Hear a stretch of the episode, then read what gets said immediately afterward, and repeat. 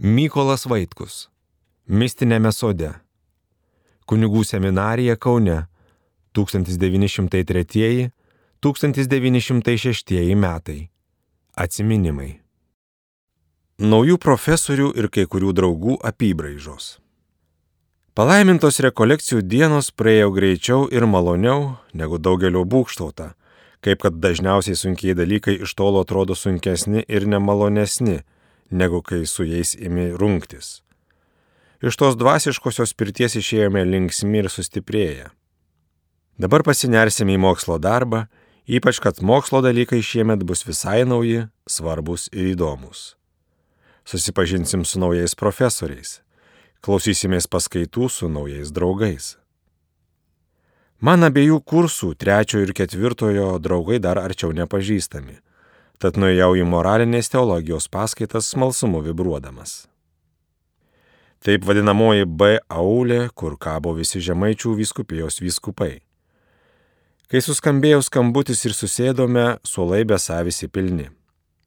Mes trečiokai sėdime prieki, o ketvirtokai užpakalį. Tokia jau vyresniųjų privilegija - pasirinkti patogesnės vietas, kur profesoriaus akis netaip lengvai užmato. Sėdžiu pirmoji eiliai, kur be ne ir mano vladukas kiukso, atsiskleidęs storą moralinės teologijos vadovėlį. Bandysiu iš užmaršties ežero išvėjoti bent kai kurių trečiokų pavardės. Va, čia polis pranas, aukštas, lieknas, tiesus, apirečiais šviesiais plaukais, smulkiais bruožais, subtiliu šypsniu, būsimasis pranciškonas, netgi provincijolas, Gudauskas Juozas, tylus, švelnus žemaitėlis, bet augumo nežemo, moksluose vaivorykštė nežėrėjas, tačiau visų mylimas, kaip geras žmogus ir draugas kunigų nelikęs, kažkur mokytojavęs. Ir tuonas tasys, toks akiniuotas, vis švarus, labai mėgstas dainuoti. Didis patriotas, mokėsis pusėtinai, buvęs tarp kitko Veliuonos klebonų. Jurgutis Aloizas, kretingiškis, laibas, judrus kaip kielė, mergaitiškų veidelių, visuomet dailiai švariai apsirėdęs, linksmas, malonus draugas geras klierikas, paskui išvykęs į Ameriką ir buvęs Bridžvilio klebonu, kur ir palaidotas. Jurgutis Vladas, palangiškis, jo skaudų kaimo žemaitis, labai gabus ir įdomus asmuo, puikus draugužis, darbštus vyras, geras klierikas, daug žadėjęs gerą bažnyčiai, bet, bet ar šiaip ar taip, daug užsipelnęs Lietuvai kaip jos lito kūrėjas, o ir ekonominių mokslų profesorius Vytauto didžiojo universitete. Beje, maž neužmiršau to tykiojo Stasio Erciaus, kuris tačiau guviai išmižinėdavo koridoriais bei takeliais, samokslininkiškai išnapždėdamas ir su draugais, o kai nekalbėdavo, būdavo vis truputį prasižiojęs, tačiau visai nežioplys, nors moksluose stebuklų ir nedarydavo. Užtat buvo doras klierikas ir geras draugas, visų mėgiamas, nors truputį ant danties bičiuliškai imamas. Na kaip čia pamirši žmogus Joną Jucių, be net tauragniškį, Liepojus gimnazistą, tokį nedidelio ūgio, bet baisiai plačiais pečiais ir atitinkamų liemenių vyruką, beveik kvadratišką, labai stiprų. Jį vėliau Peterburgo dvasiniai akademijoje lenkiukai vadindavo Nedzviec Litevskį. Balto lino plaukais, kažkaip nesveikai išbliškusių veidų, labai rimtų, užtat kai šypteldavo, tai rods ledai tirpsta lėto būdo, išmintingas, darbštus, ištvermingai einas prie tikslo, doras klierikas ir vėliau labai geras kunigas, kurį vyskupas Paltarokas paskyrė padėjėjų, generalvikaru, kai mirė neužmirštinasis grabys. Kalvaitis Jonas, Andrėjaviškis, žemaitukas, šviesus blondinas, garbiniuotas, apvaliaveidis, rožiaspalvio prigimimo, Moksluose nesmarkaujas, lėtas, švelnus draugas, bet valios vyras, rimtas, išmintingas klierikas, tikras brolis mūsų pirmosios rengenologijos daktarės Kalvaitytės, nuostabiai gabios moteriškės. Tas jaunukas buvo paskiau klebonų žemaitijos gilumoje ir neseniai mirė. Matulis Jonas, debeikiškis aukštaitis, linksmas, gyvas, puikus draugas, o ir klierikas geras, tapęs kunigu, vikaravo pas maną į brangų į Visbarą darbėnuose ir ten anksti mirė. Mirskis pranas, Kamaiškis, be ne bajorinės kilmės, o jo veidu tai tikras bajoras. Ne juokais tas veidas toks ryškus, protingas, nors pats veido savininkas moksluose nepasižymėjo. Bet draugužys geras, klierikas visai padorus, išėjo į kunigus ir mums bėgant iš tėvynės klebonavo, kur ten važiuojant nuo Kauno tauragės link šventojų skiliai, atsiprašau, bažnytkaimį. Nacickis Petras, gana žymaus stoto, truputį satiro veido, garbiniuotas, nesmarkus nei moksle, nei elgesy, taurus klierikas, malonus draugas, liko kunigu ir kažkur iš mano akių dingo, bet negirdėti, kad būtų miręs. Raštutis Juozas, paprūsės žemaitis, gana judrus ir linksmas berniukas, padarus klierikas, gabumų bei sumanumo turys, bet į mokslų kalnus nesiveržęs, draugų mėgstamas, kunigų likęs atvyko į Junktinės valstybės ir dabar leidžia senasias dienelės tyliai Amsterdame, New Yorko klebonų. Talmantas Juozas bei Viržėniškis žemaitukas, palangoj kaip ir raštutis ėjęs mokslą, puikus kaligrafas, bet į mokslus didelio palinkimo nerodas Judrus kaip vyjurkas, linksmas kaip žvirbliukas, visų mylimas, vikaravęs kražiuose pas labai mielą kleboną Tomaševičių. Paskiau, nervams suirus išėjo į matininkus, bet kiek spėjau, dušiai pasilikęs toks pat geras kunigas kaip matininkas, o jei matininkas silpnas, tai kunigas tikrai geresnis. Paškavičius Mykolas, liaudiškis šlėkta, apysilpnis, išbliškęs jaunuolis, tylus ir lėtas, visur - moksle ir gyvenime, bet labai padorus žmogus bei draugas, mano draugo Vlado Jurgučio labai mėgstamas, o ir man palikęs per visą gyvenimą kiek artimesnis. Kai palikome Lietuvą, jis pasiliko be klebų naujas kažkur apie Vandžiogalą mažoj vieteliai, bet buvau pasiryžęs pasidalyti su manim duonos kasniu, kurį dar turėjo. Šveistrys Antanas, Gargždiškis, palangos auklėtinis, rimtas vyras, didelis patriotas, geras klierikas, gabus asmuo, bet į garbės kalną nesiryštas kopti, o būtų įstengęs. Buvo papilės klebonų, neseniai mirė. Bet štai įeina į auditoriją rektorius. Su didelė pagarba visi stojamės labai tyliai, ypač gerbėme jį ne vien kaip rektorių, bet ir kaip išimtinai gerbtiną asmenį. Niekam nei galva neteitų kokį pokštą iškirsti jam salėje esant. Įeina ir smulkiais žingsniais, vieną petį kiek aukščiau iškėlęs, galvą truputį į šoną palenkęs, puškuodamas, atsisėda ir mes, atsidėję į jį, žiūrim.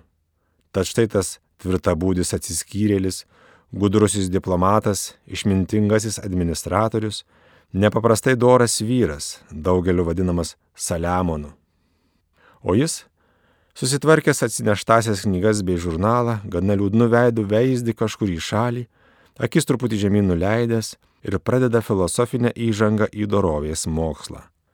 Kalba iš lėto, lyg žodžiu susieškodamas, labai kuklė lotynų kalba, labai aiškiai, visus dėsnius pavyzdžiais iš gyvenimo pailustruodamas, taip, jog viskas smigtai įsminga atmintyje. Ir vis kažkaip keistai vaipos ar raukos, trimis pirštais vis aplink veidą graibydamasis, tai aplink antakius, tai aplink burną, matyti nervinas, kankinas. Ilgainiui pastebėjau, jog jis yra gal geriausias mūsų profesorius, nors visai nesistengia toks pasirodyti. Nekrausto prieš nustebusias akis mokslo bagažo, o vien stengiasi mums kiek galima paprasčiau išaiškinti nelengvus, o labai svarbius visam žmonių gyvenimui moralinius dėsnius. Ir atrodo, jog iš visų čia eitųjų dalykų geriausiai išmokome jo dėstomąjį.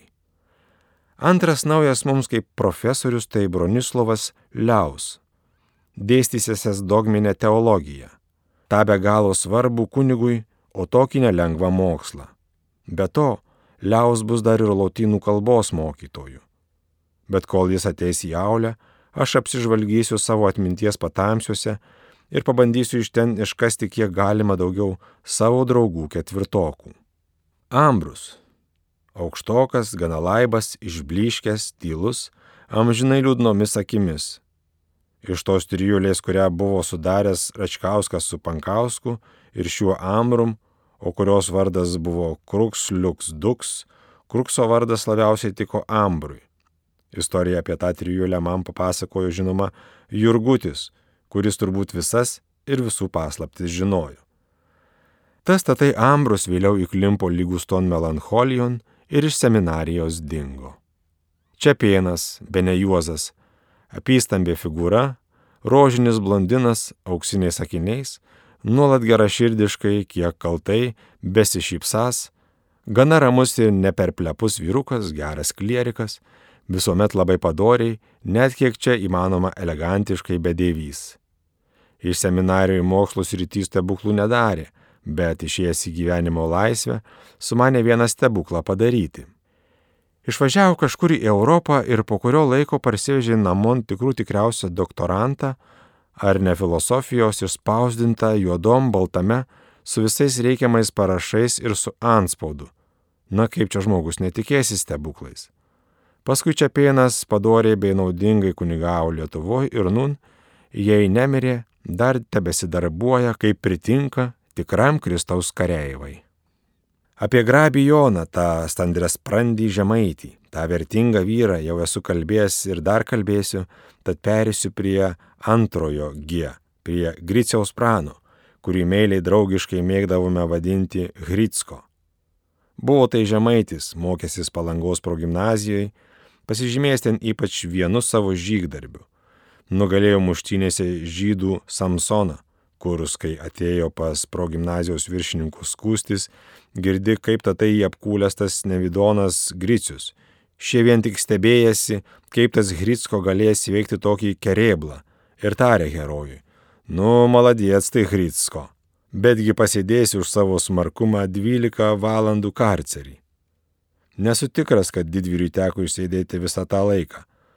Tad kasgi toks buvo tas gricius, gi vidutinio ūgio, bliškeveidis šatenas, elegantiškai sruoga plaukų į kaktos vidurį užsileidęs, vidutiniškai judrus, vidutiniškai linksmas, vidutiniškai gabus ir atrodė, kiek pat tesistengęs kopti į mokslų kalnus, turbūt oliau kopęs į tobulybės viršūnės, geras klierikas, toks pat draugas, niekam niekuomet nemalonaus nedaręs, visų mėgstamas, turbūt ir nevydonų viršininkų. Manau, buvo mielas, populiarus kunigas, tik dėja jaunas mirė. Juodviršis, mano atmintybė vardo likęs. Draugai jo pavardę tardavo ir juodviršis, o jis vien tik šypsodavo. Buvo tai jau nebejaunas vyrukas, atlikęs kareiviavimą ir dėl to mūsų vadinamas detka, kas jam gana patikdavo.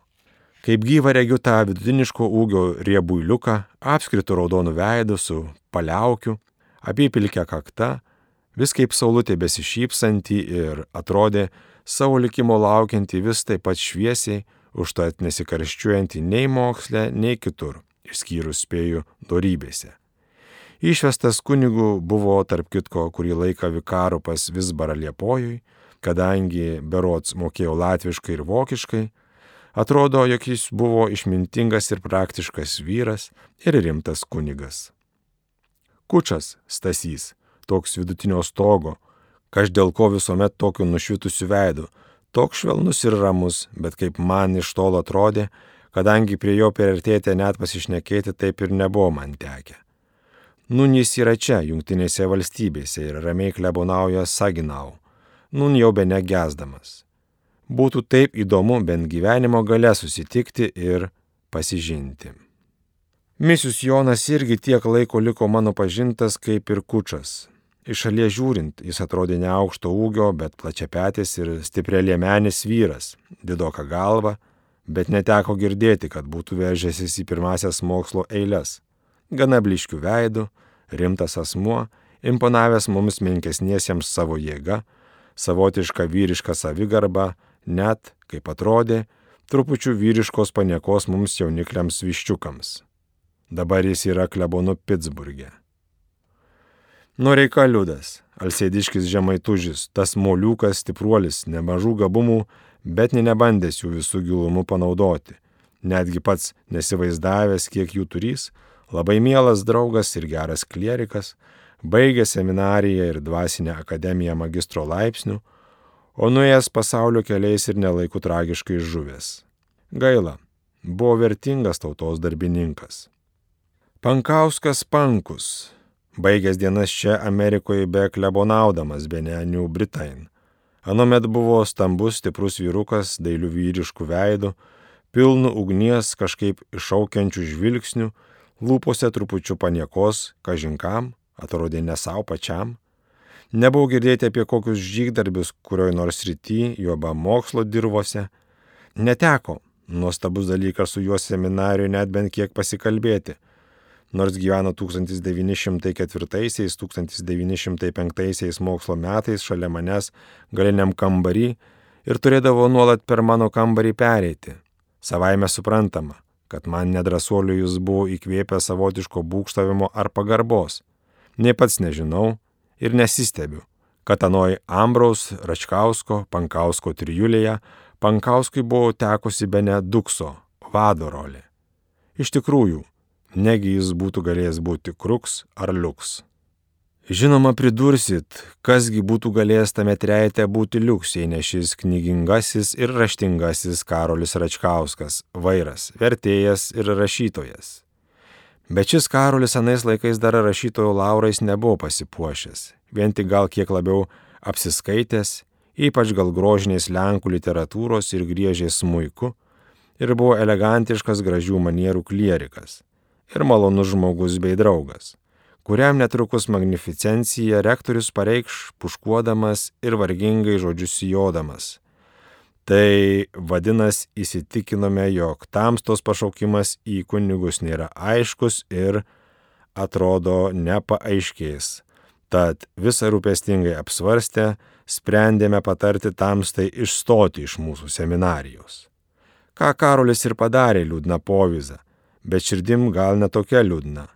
Ir mums klerikams vėl teko aukoti verkiančių rubelių sušelti tai likimo aukai, grįžtant į gyvenimo verpetus. O tas Karolis Vairas, tas išbliškusių veidų estetas, tas inteligentinė povyza vyrukas, tuo aristokratiniais laputės šypsniu. Išstojęs, Peterburgė bandė gauti darbo iš katalikų, paskui išvyko į Ameriką ir įsijungė į šliūpo eilės grįžęs į nepriklausomąją, nesibaidė tautininkų, o atėjus nun bolševikams darbojas jų ir savo naudai. Kągi, nebereikalo nuo senovės būdavo gudrių žmonių sakoma, primum viverė, dain filosofari. Mielas Karolis, būdavo malonu su juo pasikalbėti, jis buvo nežemos kultūros, ypač literatūroje asmuo. Apie stukelį Eduardą bei švagždį Joną esu jau kitur kalbėjęs, tad čia neberašysiu. Vien trumpai priminsiu švagždžių intimų bičiulį Taškūną Vladą, aukštos kultūros, labai simpatingą kunigą, veikusi čia Amerikoje, redagavusi darbininką, buvusi klebonų, tarp kitko Norvude, paskiau grįžusi Lietuvon, klebonavusi Lieplaukiai, Alsėdžiuose, Telšių katedroje, sėdėjusi nacijų kalėjime, išvykusi bolševikų Sibirą, galop atsilsėjusi laukuvos altarijoje, o štai sužinojome, kad jau besilsinti mylimoji savo žemaičių žemeliai. Amžino atilsio tau, brangusis draugė, gražioji siela. Bet štai išžygiuoja kaip geležinis svečias Mozarto Don Giovanni, mūsų laukiamasis profesorius Liaus. Puikiai figūra, tik jau kiek apvaloka, Lūpos agniai sučiauptos, akį žiūri tvirtai, tas vyras žino savo vertę ir ne bet kas jį išgazdintų. Kalba jis gražiai, klasikinė lotynų kalba, gerai pasiruošęs, tad žodžių nebesigraipstydamas. Dėstų dalyką labai aiškiai, nuosakiai, išsamei. Paskaita daro įspūdį, kurį galima apibūdinti šaltai blizga, o dogminės teologijos iš šio profesoriaus išmoksim neblogai. Dėsto jis mums ir lotynų kalbą, kursas jau labiau pažengusiems. Teorijos duoda mažiau. Daugiausia skaitome kokį klasikinį tekstą jį versdami ir kur reikiant su sintaksinėmis ypatybėmis bei kalbos grožybėmis susipažindami. Lotynų kalbos žinojimą profesorius dažnai parodo, atmintinai sakydamas įvairiausius dailius įvairioms aplinkybėms posakius. Čia jo žinie tiesiog fenomenali. Matyti lotynų kalbą jis atsidėję studijavo. Bet gal kaip tik dėl to, kad tiek daug žinojo, su savo kalbos kursu stumėmės pirmin labai lietai, Taip, jog per tuos metus labai nedaug tai išvertėme teksto ir ne ką tai išmoko tie, kurie silpniau buvo pasiruošę. Pravartu papasakoti vieną įvykėlį būdingą ne vien liausui. Esu jau minėjęs, jog visi vyskupijos dvasininkai, didieji ir mažieji, prisibijodavo vyskupo paliulionio su nedaugeliu gal išimčių. Esame jau matę, kiek baimės jis įvarė mums pernai kunigo Laumenskio lotynų kalbos klasiai. Su dogminė teologija galėtų būti ir blogiau, kadangi dalykas savaime sunkus ir jei vyskupas klausinės, ne vienas gali skeste nuskesti. Žinoma, jei profesorius būtų šaltakraujus, galėtų mus išgelbėti, bet turėtų pats pasiaukoti, būtent vyskupui atėjus, skaityti savo paskaitą ir tik jei vyskupas pareikalautų klausinėti klierikus, vien tuo kart nusileisti. Tačiau čia reiktų, kad profesorius nepasigėdytų savo paskaitos net ir prieš tokį vyskupą. Buvo įdomu, koks pasirodys liaus vyskupo akivaizdoje. Ir štai mažutis, be didelės dvasios ganytojas oriai įžengė į salę, kaip tik jis vienas mokėjo. Profesorius prieš tai buvo pradėjęs dėstyti savo dalyką. Jis nulipo nuo katedros, neskubomis priejo prie ekscelencijos ir rimtai, truputį priklaupdamas pabučiavo ganytojo žiedą. Šis paklausė, ką čia nun buvome bedara. Profesorius paaiškino, ką tik dėstęs sekančiam kartui pamoką ir paprašė vyskupą užimti jo vietą katedroje. Vyskupas atsisakė ten sėsti, sėdosi į pristumtą šalia katedros krasę ir liepė profesoriui dėstyti savo paskaitą toliau. Mes laisviau atsipūtėme. Ne mus egzaminuos tik patį profesorių. Įdomu, kaip šis tą egzaminą išlaikys. Oliaus, kaip niekur nieko, vėl sėdos katedrui ir ėmė šaltakraujiškai rodyti savo žiniją taip sklandžiai ir aiškiai, jog rodys, kad net geriau nei paprastai. Na, šito vyro matyti neištums iš pusiausvyros net vyskupas Paliulionis. Džiaugiamės dvasioj. Vienoje vietoje ekscelencijai pasirodė, jog profesorius kažką nusakęs ne visai tiksliai ir jis, pertraukdamas, tai viešai nurodė. Ir ką giliaus? Ogi jis mandagiai, bet nevergiškai, truputį šyptelės, nurodė ekscelencijai, jog jinai neturi čia racijos ir jo profesoriaus Liauso yra tiesa. Tai jis atliko taip trumpai bei aiškiai, jog toj įtikino vyskupą ir šis paprašė jį dėstyti toliau. Dar kiek pasiklausęs, ekscelencija stojos ir mūsų nebeklausinėjęs, mandagiai atsisveikinęs, paliko mus nekartus. Už tai mes nun prefektui Liausui gal atleidome ne vieną opą, kurią jis vienam kitam pateikė kaip seminarijos dvasiškasis policininkas. Tautiškumas ir draugiškumas. Lieka dar vienas naujas man profesorius paminėti - kunigas Juozas Skvireckas. Kai jo laukiame ateinant kažkaip lengva dušiui, žinome, kad jis mūsų neengs, nebars, neižeis, stengsis blogų pažymių nenuskriausti, Bet vien kart žinome, jog pas jį mokytis reikia pakankamai rimtai, kaip kad pats jis yra visuomet rimtas ir pokštų su juo krėsti netenka nei moksle, nei šiaip jau elgesy. Kai jis pro duris įeina, lyg šviesiau auliai daros, toks šviesus blondinėlis, toks jaunas, toks mielas, malonus. Stengiasi į mus nežiūrėti, o jei pažiūri, tai taip nedrasiai. Kalba stiprokai varžydamasis ir nervindamasis, turbūt dėl to varžymosi pats ant savęs pykdamas. Dėstų dalyką rimtai, nuosakiai, aiškiai, išmoksim pas jį nemažą. Laikos oriai, o vis kukliai. Rods, nėra man tekę paskaitos metu iš jo nugirsti kokį pokštą, išgirsti juoką, net šypsodavo retai. Užtat jį gerbėme, netgi kažkaip vyriškai proteguojamai mylėjome, lyg užtarti prieš ką norėdami, lyg apginti nuo ko, nes jis atrodė toks švelnus, tiesiog mergaitiškas, net ir lengvai nurausdavo kaip mergaitė. Betgi čia klydome. Vėliau gyvenime pamatėme jį esant vyriškai tvirtą ir nelengvai nulenkiamą, nebent protas sakytų, reikiant nusileisti. Beje, Skvirecką labai brangindavome dar dėl to, kad žinojome jį esant tvirtą lietuvį, aiškiai palaikantį lietuvišką į reikalą, nors ir atsargiai, kadangi aukščiausioji dvasiniai vyresnybė buvo anuomet mūsų lietuvybė visai nepalanki. Jei būtume anuomet žinoję, jog Skvireckas jau pradeda versti lietuviškai šventą įraštą, būtume jį dar labiau branginę. Už drąsų bei veiklų patriotizmą labai brangindavome profesorių kuniga Povilą Januševičių.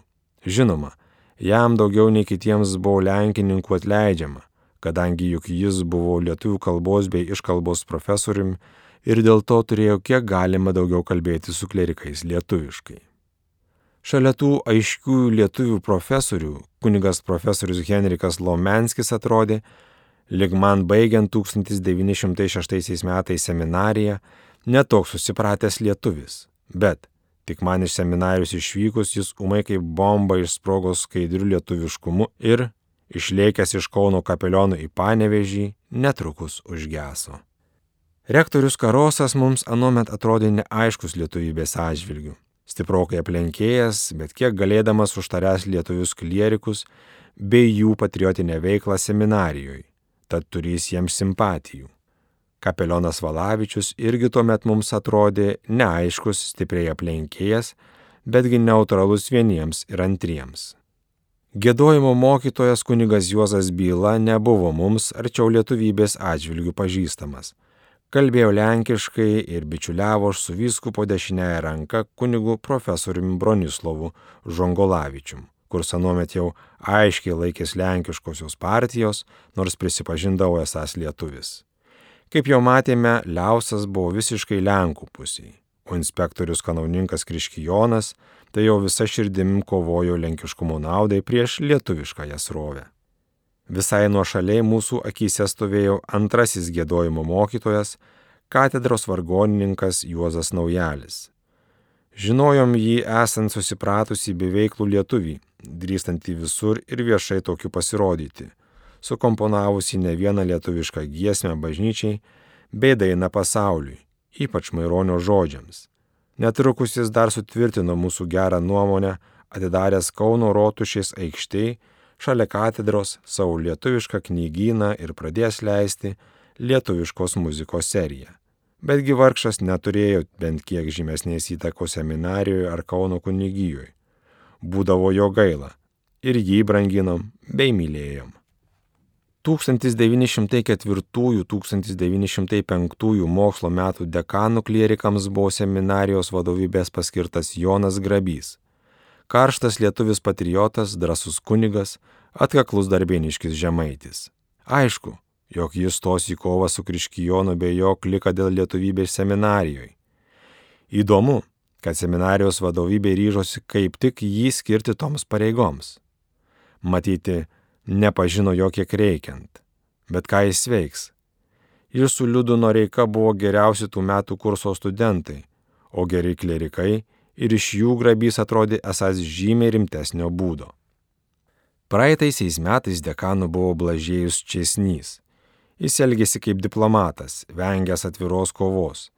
Neišsižadėdavo savo lietuvystės, ne vienam punktė nebandė pasipriešinti esamai tvarkai, laukdamas, žinoma, kad pats laikas pamažu pakeistų nepageidaujamąją padėtį.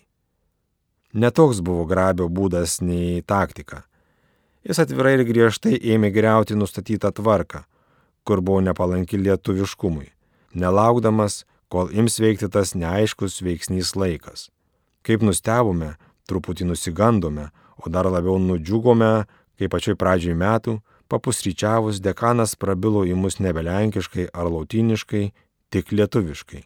Mes tik į kits kitą žvilgt, žvilgt ir sužiūrom į lenkuojančiuosius. Ką jie? Žinoma, tuoj bėgs pranešti savo šefui. Kaip šis reaguos? O reaguos be abejo. Debesiai neaukės viršum dekano. Išėjai sveikiname, reiškiame savo būkštavimus, bet ir guodžiame, girdi, visi jį palaikysim. O jis tik šypso savo, tas kietas sprandi žemaitis, nors pačiam gale nelabai tai jauku. Tačiau, nors dangus ir apsiniaukė dekanui, perkūnas kol kas dar netrenkė. Pamažu aprimome ir ėmėmės kasdienio darbo linksmai ir uoliai. Žinoma, kur galėdami stengdamiesi pargriauti akmenėlės po akmenėlio Lenkų tvirtovės mūrus. Klausėtės ištraukos iš Mykolo Vaitkaus prisiminimų knygos Mistinėme sode. Skaitė Remigijus Endriukaitis.